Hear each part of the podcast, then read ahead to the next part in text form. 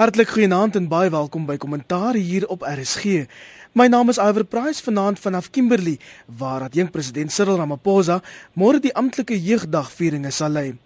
My gaste vanaand die politieke ontleeders, professor Erwin Swela, verbonde aan Universiteit Stellenbosch se skool vir openbare leierskap. Nancy Erwin. Goeienaand Iver en goeienaand aan al die luisteraars. En Dr. Christie van der Westhuizen wat aan die Universiteit van Kaapstad verbonde is. Nancy Christie. Nou, Arwen. Arwen, kom ons begin by môre se jeugdagvieringe. Ek sal sedert gister in die Noord-Kaap en dis 'n muurnes van bedrywigheid en 'n groot deel van die opwinding is omdat adjunk president Ramaphosa die amptelike toespraak gaan lewer en dis eintlik die eerste keer dat hy die nasie in in die nuwe hoedanigheid gaan toespreek. Ja, ek dink uh, meneer Ramaphosa is besig om homself goed te vestig. Daar is ook aanduidings dat uh, hy die geleentheid nou gegee word onder andere uh, waarskynlik omdat daar uh, hierdie uh, probleme kwessies rondom president Zuma se gesondheid uh, is. Wat ook 'n interessante aspek is is dat uh, die gesondheidskwessies 'n uh, klomp nuwe dinamika aanbring maar voordat ons daarna verwys miskien net iets oor oor jeugdag. Jeugdag het groot simboliese waarde uh, veral na aanleiding van die gebeure uh, baie jare gelede en ook die feit dat ons die 20 jarige demokrasievieringe het So dit is uh, dit sal interessant wees om om meneer Ramaphosa se uh, optrede te sien, te kyk wat hy sê ook in afwagting van president Zuma se uh, stand van die nasie toespraak wat dan die volgende dag volg. Ehm um, uh, dit's 'n hele klomp dinge wat nou gebeur na die verkiesing, die heropening van die parlement, die stand van die nasie toespraak, jeugdag waaruit ons aanduidings gaan begin kry van hoe lyk die agenda vorentoe. So uh dit lyk vir my 'n interessante tyd. Ons self het ook op donderdagoggend 'n uh, gesprek oor die rol van universiteite in die uh in die bou en uitbou van uh, jeugleierskap. Uh daar behoort 'n baie groot klem te wees op die jeug en op leierskap onder die jeug.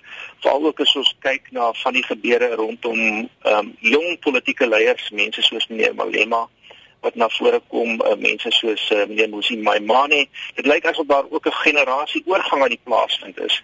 So 'n tydige uh, stel betrokkenhede en ons hoop dat uh, meneer Ramaphosa vir ons môre 'n inspirerende boodskap gaan gee rondom die stand van die nasie soos hy dit sien sowel as die rol van die jeug in die hantering van hierdie uh, hierdie situasie. So Christians weet dat president Zuma wel weer terug op die bene is gereed vir Dinsdag se staatsrede. Almal wonder tog en Erwin het nou so vluggies daaraan geraak of dit nie deel van 'n groter plan is om die adjunk president stadig maar seker op die voorgrond te stoot nie. Ja, kyk, uh, ek dink ons sal definitief dit sien nou in die in die komende maande ook. Dit is ehm um, weet uh, president Zuma is nou al het dit as vir die jare stap aan en ehm um, daar is definitief ook sterk spekulasie wat nou al lank kom dat dat hy basies nie hierdie termyn ehm um, gaan deursien as president nie. Dit so en dit maak eh, en en, en deels nou ook weens die verleentheid wat hy vir die party veroorsaak het in in daai 3% persentasiepunte wat hulle geval het in die in die wat die ANC geval het in die verkiesing. Jy weet, ehm um, ek dink hulle hulle begin om uh, uh, te sien as 'n lastigheid en ehm um, en uh, en ek dink uh, Cyril Ramaphosa natuurlik het 'n baie ander soort beeld en definitief in terme van jou kop uh, jou sake sektor en so aan. Is hy is hy natuurlik ehm um, baie meer verkieslik, jy weet. So so ek dink ehm um, jy weet ons gaan definitief uh, Ram uh, Cyril Ramaphosa sien baie meer vorentoe tree en so aan en dit is natuurlik 'n goeie spreker, hy's baie charismaties en so aan. So hy kan definitief die ANC se beeld verbeter en hy kan die die land se verbeter se beeld ook verbeter by buitelandse beleggers.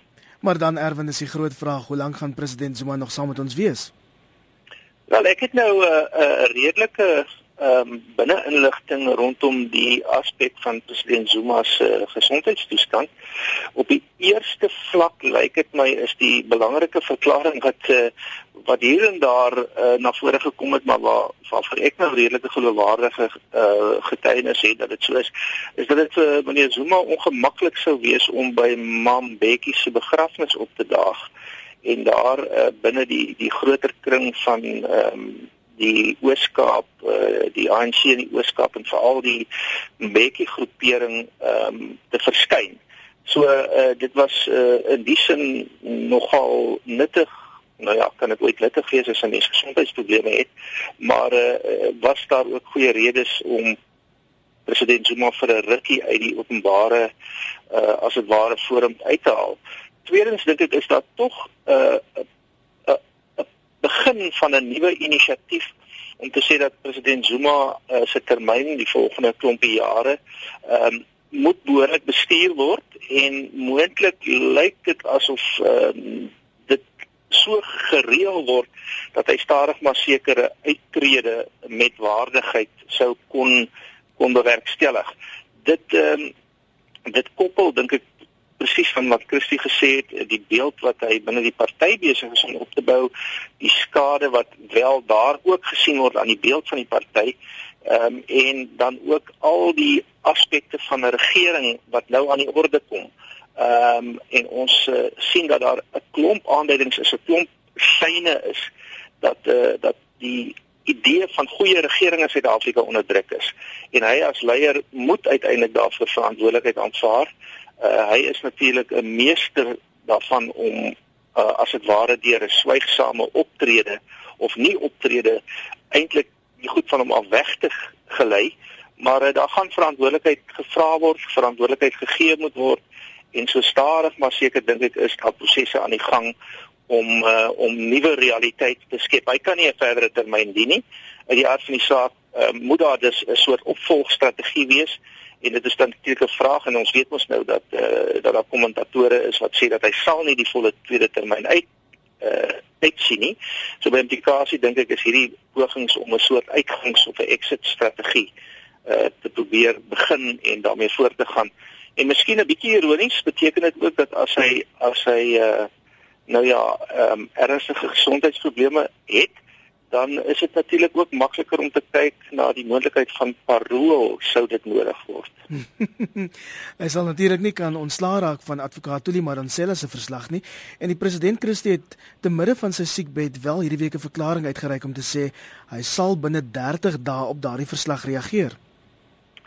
Ja, die ehm um, dit lyk my nie sosiale ondersoek eenheid se se ehm um, verslag en nou uh, beskikbaar raak en dit sal hom dan dit was sy verskoning vir hoekom hy nie volledig kon reageer op op openbare beskermers se verslag oor oor Nkandla nie. So ek dink dat ehm um, weet jy ja, die verskonings weet uh, raak nou op en so aan. So dit wel interessant om te sien hoe hoe presies hy hierdie een hanteer.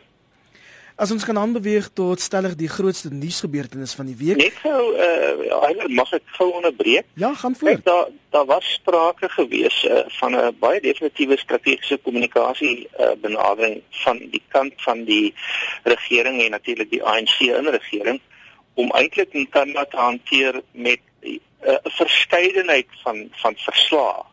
Ehm um, en dit wil tog voorkom asof daar nou 'n bietjie getuienis is dat dit waar word in die sin dat daar is 'n verskeidenheid van verslae vir die die die strategie so is dit destyds gestel is dan om te sê hier is nou soveel teenstrydige inligting oor wat by Canva gebeur het, wie verantwoordelik is, hoe dit gehanteer moet word, wie dit moet hanteer, wie verantwoordelik is weer eens dat uh, ons eintlik nou totale onsekerheid het. So kom ons ons doen so 'n bietjie van van inligtingsoorlading en op die wyse kan ons dan die hele impak van Kandla probeer vers, versag want daar's nou verskillende gesaghebende of skynbaar gesaghebende verslae met verskillende opinies en dit is eintlik ongelooflik hoe ehm uh, kom ons sê slim ehm um, die die strategie soms uitgewerk word as ons net soveel slimmigheid in goeie regering kon insit sou ons eintlik baie goed kon vaar. Kollegas, kom ons praat oor die beëindiging van die platinum staking en Christie, dit klink nou of die nuwe minister van minerale hulpbronne, Nwako Ramatlodi, hom as die groot held vir die skikking wil vestig. Ek het ook onderhoude die week gevolg waar hy praat en hy het baie Bybelse verwysings met die bekendmaking gebruik met hom so half as die groot die groot redder van hierdie skikking. Ja, kyk, ek dink dit is mens kan dit sekerlik op een vlak lees as 'n as 'n uh, sukses. Dit Ramatlodi se eerste sukses as minister van uh, minerale. Maar jy weet uh, uh, aan die einde van die dag bly die die basiese omstandighede wat gelei het tot hierdie staking bly basies onveranderd. Weet jy as jy kyk na die die skikking wat nou bereik is, weet in die verskillende dit noem uh, ek dit vra vir 600 rand ehm um, per maand verhoging en hulle het um, in terme van die AMKU skikking lyk my hulle gaan minstens 1000 rand per maand kry in basiese inkomste vir oor 2 jaar ensovoorts ensovoorts. Maar dan kom jy by die by die item genaamd ehm um, wat hulle nou noem in Engels living out allowances. En dit is basies vir mynwerkers wat want jy het nie meer daai die stel stelsel van die verlede werklik in werking nie. So jy het basies 'n situasie van waar die mynwerkers in plakkerskampe rondom die myne bly. En daai weet in in in weet hulle word 'n toelaag betaal daarvoor. En die toelaag gaan nou werk met dieselfde bly vir 2013. Dit is dis 'n deel van die skikking. Maar dit spreek nie die groot probleem aan van die haglike omstandighede waarin werkers hulle self bevind om met die myne nie. So op 'n manier stel mense net die probleem weer eens uit tot die volgende situasie. Jy weet die die ehm um, die die die die die feit dat werkers in in, in sulke verskriklike omstandighede moet lewe, ehm um, met gesondheidsprobleme, alles wat saamgaan met met 'n plakkers bestaan.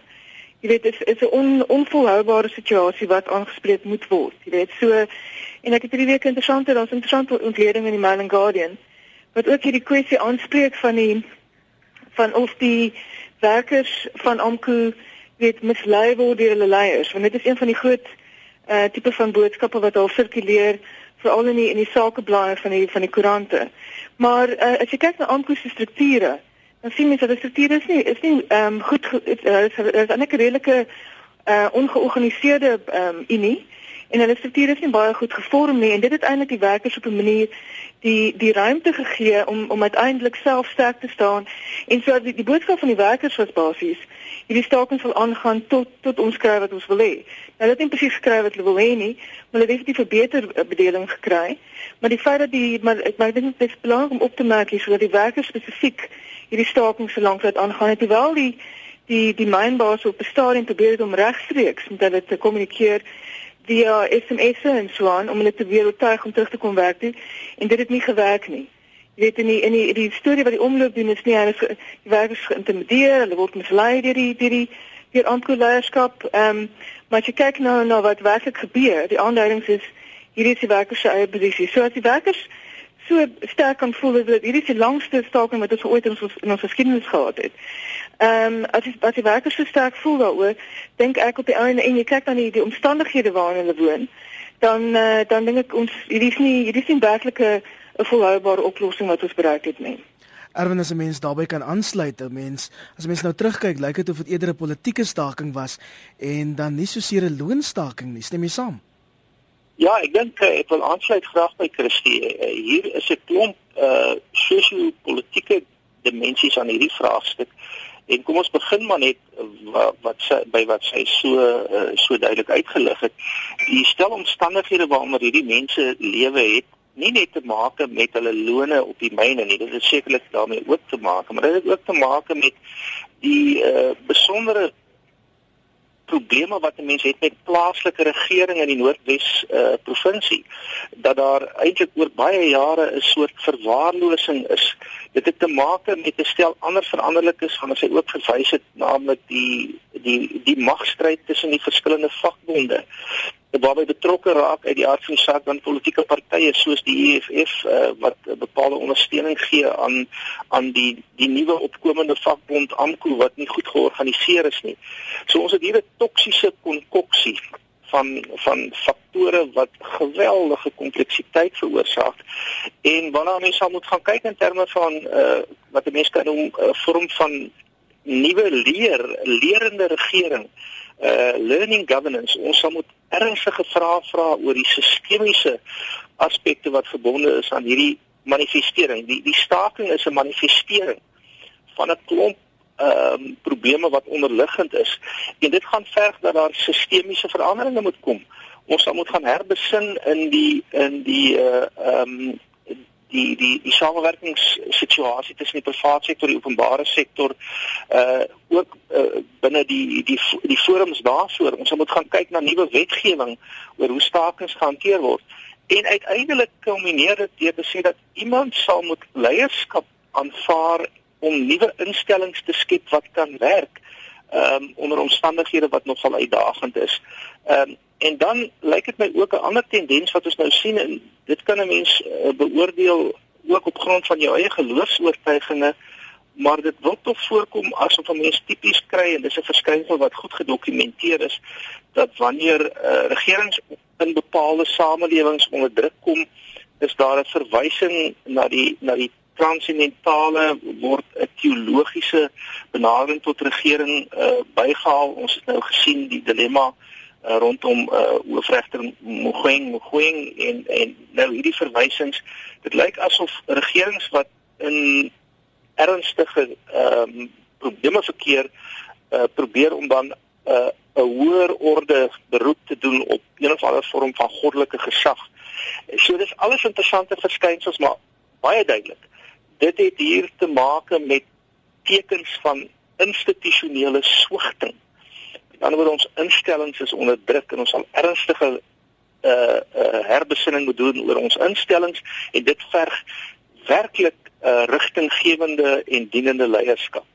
En daai is Ek dink om om om aan te sluit by Erwin net om te sê dat die die ehm um, ek stem saam met hom dit is weet daar daar's 'n uh, wat ek sien hierso is is dit is dit 'n baie baie gevaarlike situasie van dit lyk my van die van die mynbasiese kant af En dan van die regering se kant af is daar 'n tipe van onwilligheid om werklik waar die die grondoorsake van die van die probleem aan te spreek. So jy het 'n tipe van 'n so vanaf 'n ehm 'n soort uh ehm ek weet amper 'n verlamming gehad van hulle kant af.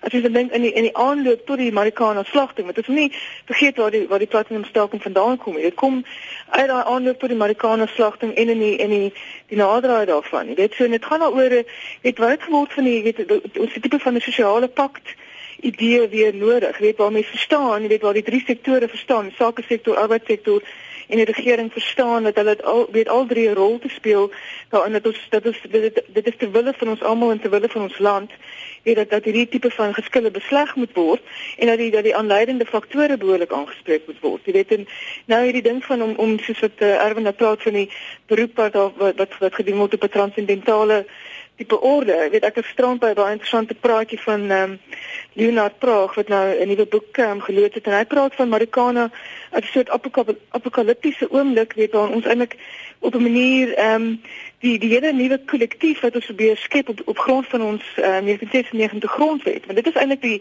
die basis van ons pak. Nie nie nie Bybelse verwysings of die normals en sulke goed weet. Ek raak altyd bekommerd as as leiers begin praat oor die normals en en en goddelike magte probeer inroep en so aan. Jy weet die die basis van ons van ons sosiale pak mekaar is die 96 grondwet.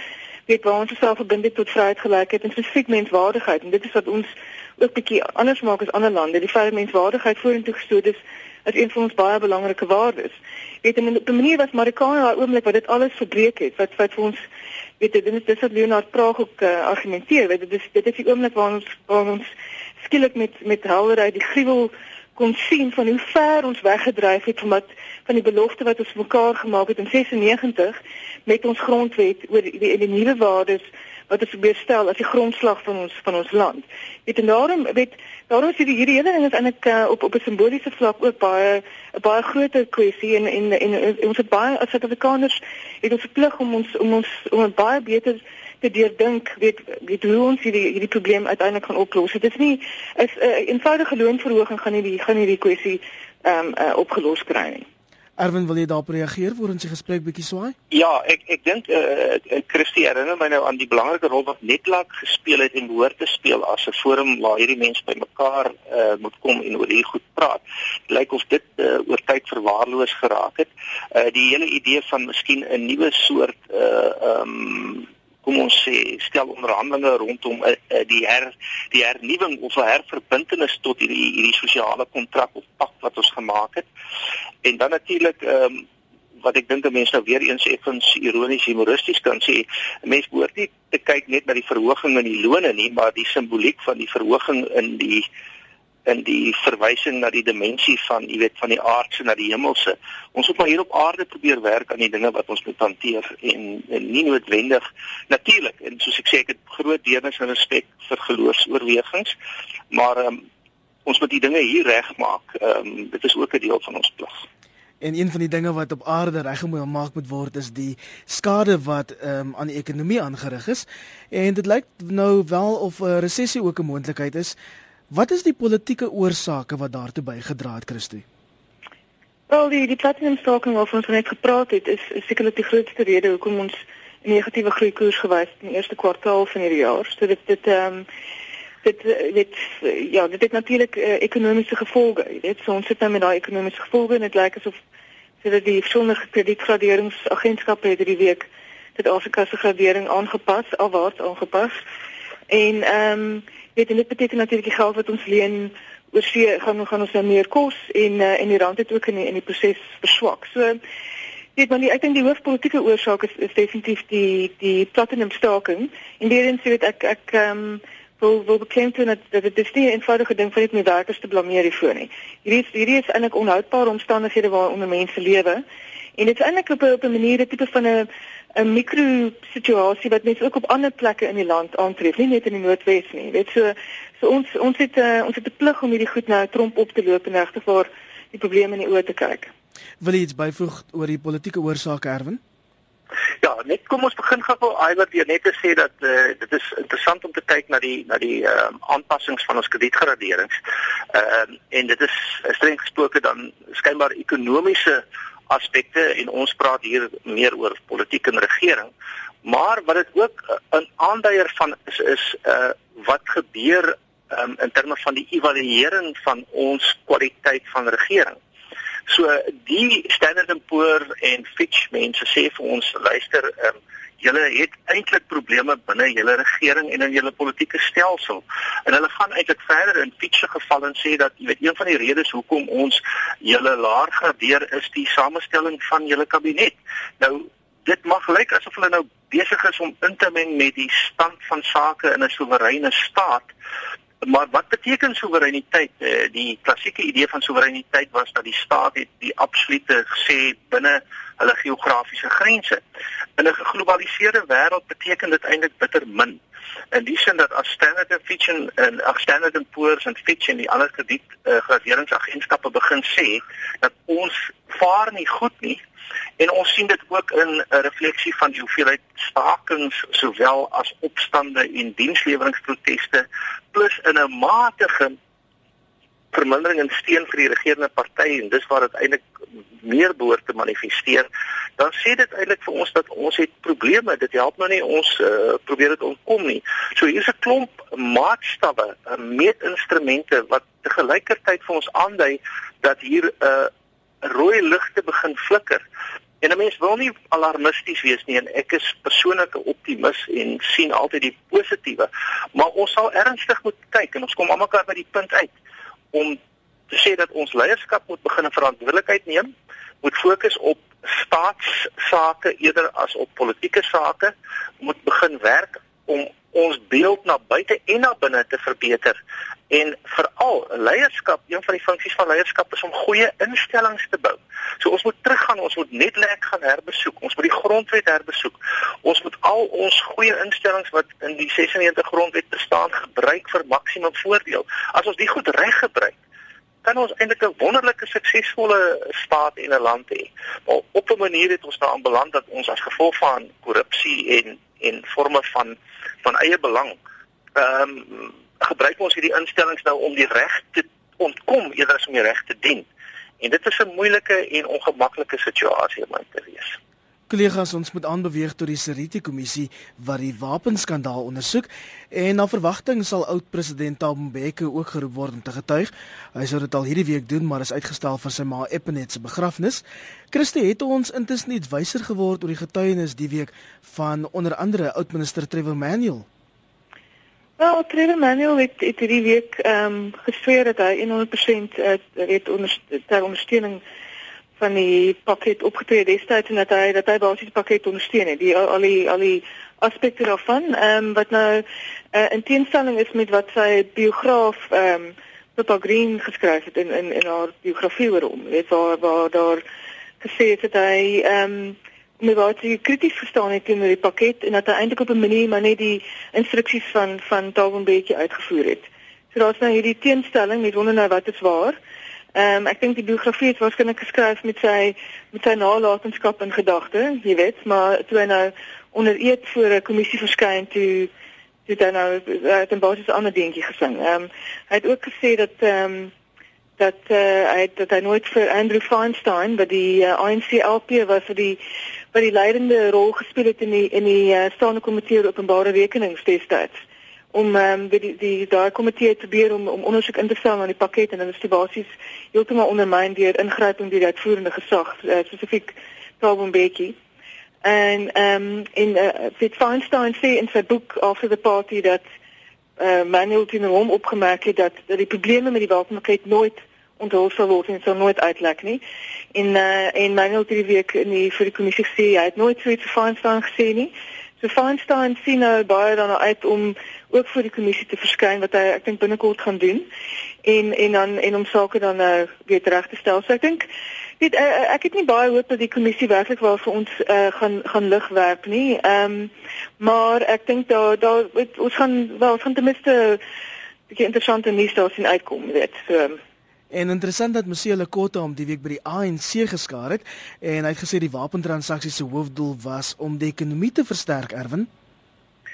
Ek dink hier is 'n uh, eh, uh, uh, uh, ons moet gaan kyk na die lyn wat hier nou gehardloop word en wie wie wat sê die konsekwente patroon wat ek opmerk uh, in die mense wat destyds betrokke was by die, by die regeringsaankope wat nou al verder van die regering af weg staan hè mense soos Michelle Kota ehm um, mense soos uh, meneer Trevor Manuel wat wat natuurlik nog 'n baie loyale ANC ondersteuner is maar nie meer in die kabinet sit nie.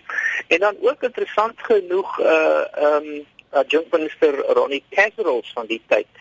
Uh hulle standpunt is konsekwent om te sê kyk die wapentransaksie was nodig. Dit die grondwet vereis dat ons ons land se integriteit en soewereiniteit en grense beskerm. So daai boodskap kom heeltyd uit. En ek dink dis 'n beklemtoning van die positiewe dan en die grondwetlikheid daarvan wat nie ter sprake kom nie en ek dink dit is 'n uh, waarskynlik wel deurdagte strategiese verdoeseling is die feit dat daar baie groot aanduidings is onder andere in die hofsaak eh, wat destyds ehm um, deur ehm um, uh in in in die Natalse Hooggeregshof plaasgevind het of KwaZulu-Natal Hooggeregshof uh van uh, meneer Sheikh uh dat daar dat daar grootskaalse korrupsie was met die uh met die subkontrakte en die onderafdelings van kontrakte. So daar's geen twyfel dat daar korrupsie was in die wapenskandaal nie. Uh in die, in die, in die wapentransaksie nie en dat dit eintlik 'n skandaal is nie. Wat nou uh, gedoen word is om te sê dat uh, uh, wel ons is nie verantwoordelik nie en die verantwoordelike partye is nie aanspreeklik nie uh, want hulle word nie voor die hof gedaag nie. Ehm uh, so daar is definitief hier 'n baie deurdagte strategie. Ehm um, en ek het ook nie vreeslik uh verwagtinge van die Seriti kommissie nie. Ek sou veel meer verwagtinge hê van die nasionale vervolgingsgesag wat al die partye wat geïmpliseer is en waarvoor daar prima facie getuienis is dat hulle betrokke was ook onder andere in in hofsaake wat wel so bevind het om hulle voor die hof te daag en hulle te kry om onder eed uh, self daaroor te getuig. En dit sluit president Zuma in Die tyd is besig om ons intaal kollegas maar as ons nog kan praat oor nuwe LPs wat die week die Lewiete voorgeles is en verbied is om met die regering besigheid te doen. Dis 'n stap in die regte rigting, Christie. Ja, nee, ek kyk daar is 'n uh, uh, tipe van reëling sou kan aangeneem met terme van staatsamptenare, senior staatsamptenare en so aan. Ehm um, die die vraag is natuurlik altyd in die toepassing. Jy weet, so, so as dit behoorlik toegepas word, jy weet die persoon kan weet uitvang. So die regulering daarvan met met, met behoorlik gedoen word. Jy weet, ehm um, soos wat ons gesien het met uh, byvoorbeeld die die kode vir vir etiek vir vir LPS in die in die parlement. Is daar allerlei weet daar's daar's 'n weet 'n openbaar bekende deel van die van die register waar hulle belange moet aanmeld en dan staan 'n 'n 'n verskuilde deel wat dan nie in die weet in, in, in die publiek beskikbaar is nie. En daai ehm um, in dit weet jy daai hierdie die meganismes is maar Hulle hulle weet dit hang maar baie af weet hoe hoe sterk die meganismes moet geïmplementeer word, jy weet en uh, en natuurlik is die die die probleme is ook 'n teenstelling met dan met ander goedes wat wat terselfdertyd aan aan die gang is, jy weet soos byvoorbeeld eh uh, die president se ontwyking rondom Kandla en so aan. Jy weet so jy het aan die een kant dit nou sterke meganismes wat nou kamptig ingestel word, maar aan die ander kant is die is die ehm um, die diskurs is dat so baie die sommige mense is bo die reg verhewe, jy weet. So So jy weet ja, jy weet, uh, ek dink dit tussen daai twee stoele val die ANC maar basies deur, jy weet. Verwag is dat president Zuma nog soortgelyke aksies sal aankondig as deel van sy begroting of van sy staatsrede Erwin. President Zuma het al uh, op verskeie geleenthede op by verskeie geleenthede en op verskillende maniere sy uh, sterk ondersteuning vir anti-korrupsie maatreëls uh, betoon. En daar's natuurlik ook geleenthede waar uh, waar hy dit self nou nie heeltemal uh, implementeer nie. Maar hoe dit nou ook al sê ek is eintlik um, nie so seer geïnteresseerd in al die nuwe aankondigings nie. Dit is op sig uh, goeie nuus 'n mens sou geïnteresseerd wees nog meer in wat gaan gedoen word met die al die uh, as dit ware uh, ges, geskiedkundige verskynsels waar hierdie goed reeds verkeerd gegaan het.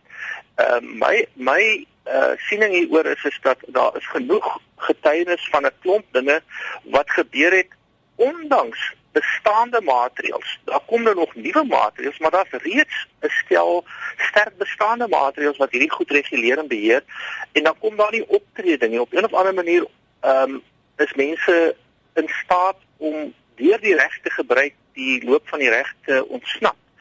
Ehm um, so ek sou graag wou sien en dit is 'n 'n mening wat ek al by herhaling in die openbaar uitgespreek het vir wat dit ook al mag werk wees, dat 'n paar baie senior mense doodgewoon tronk toe gestuur word. Met ander woorde, ons het mos nou al reeds geskiedenis van mense wat hierdie uh, tipe ehm um, uh oortredings begaan het. Ehm um, onder bedelings wat miskien nog nie so sterk was nie, maar klaar aan, vervolg, sit in die tronk sonder mediese parol. Dan dink ek sal ons 'n verskil sien. Wat jy daarop reageer, Christie? Ja nee, nee, ek dink Erwin is totaal reg wat dit betref. Dit is die groot toets. Die groot toets is natuurlik of jy of of dit goed toegepas word, weet soos implementering word toegepas, weet word mense ehm um, eh uh, verantwoordelik gehou, weet en uh, en uh, ja, uh, uiteraard as jy dan onmiddellik daarna op mediese parol gaan, dan word jy nie eintlik verantwoordelik vir wat jy gedoen het nie. Kollegas, dis ongelukkig alwaar tyd het vanaand op kommentaar. My naam is Iver Price. Jy's welkom om jou mening oor die sake van die dag aan my te tweet. En ek sê ook baie dankie aan my gaste, die politieke ontleeders, professor Erwin Swela verbonde aan Universiteit Stellenbosch se skool vir openbare leierskap. Nans Erwin. Baie dankie. En ook 'n lekker aand aan Dr. Christie van der Westhuizen wat aan die Universiteit van Kaapstad verbonde is. Totsiens Christie. Dankie Iver. Bly ingeskakel vir finansiële fokus hier op RSG.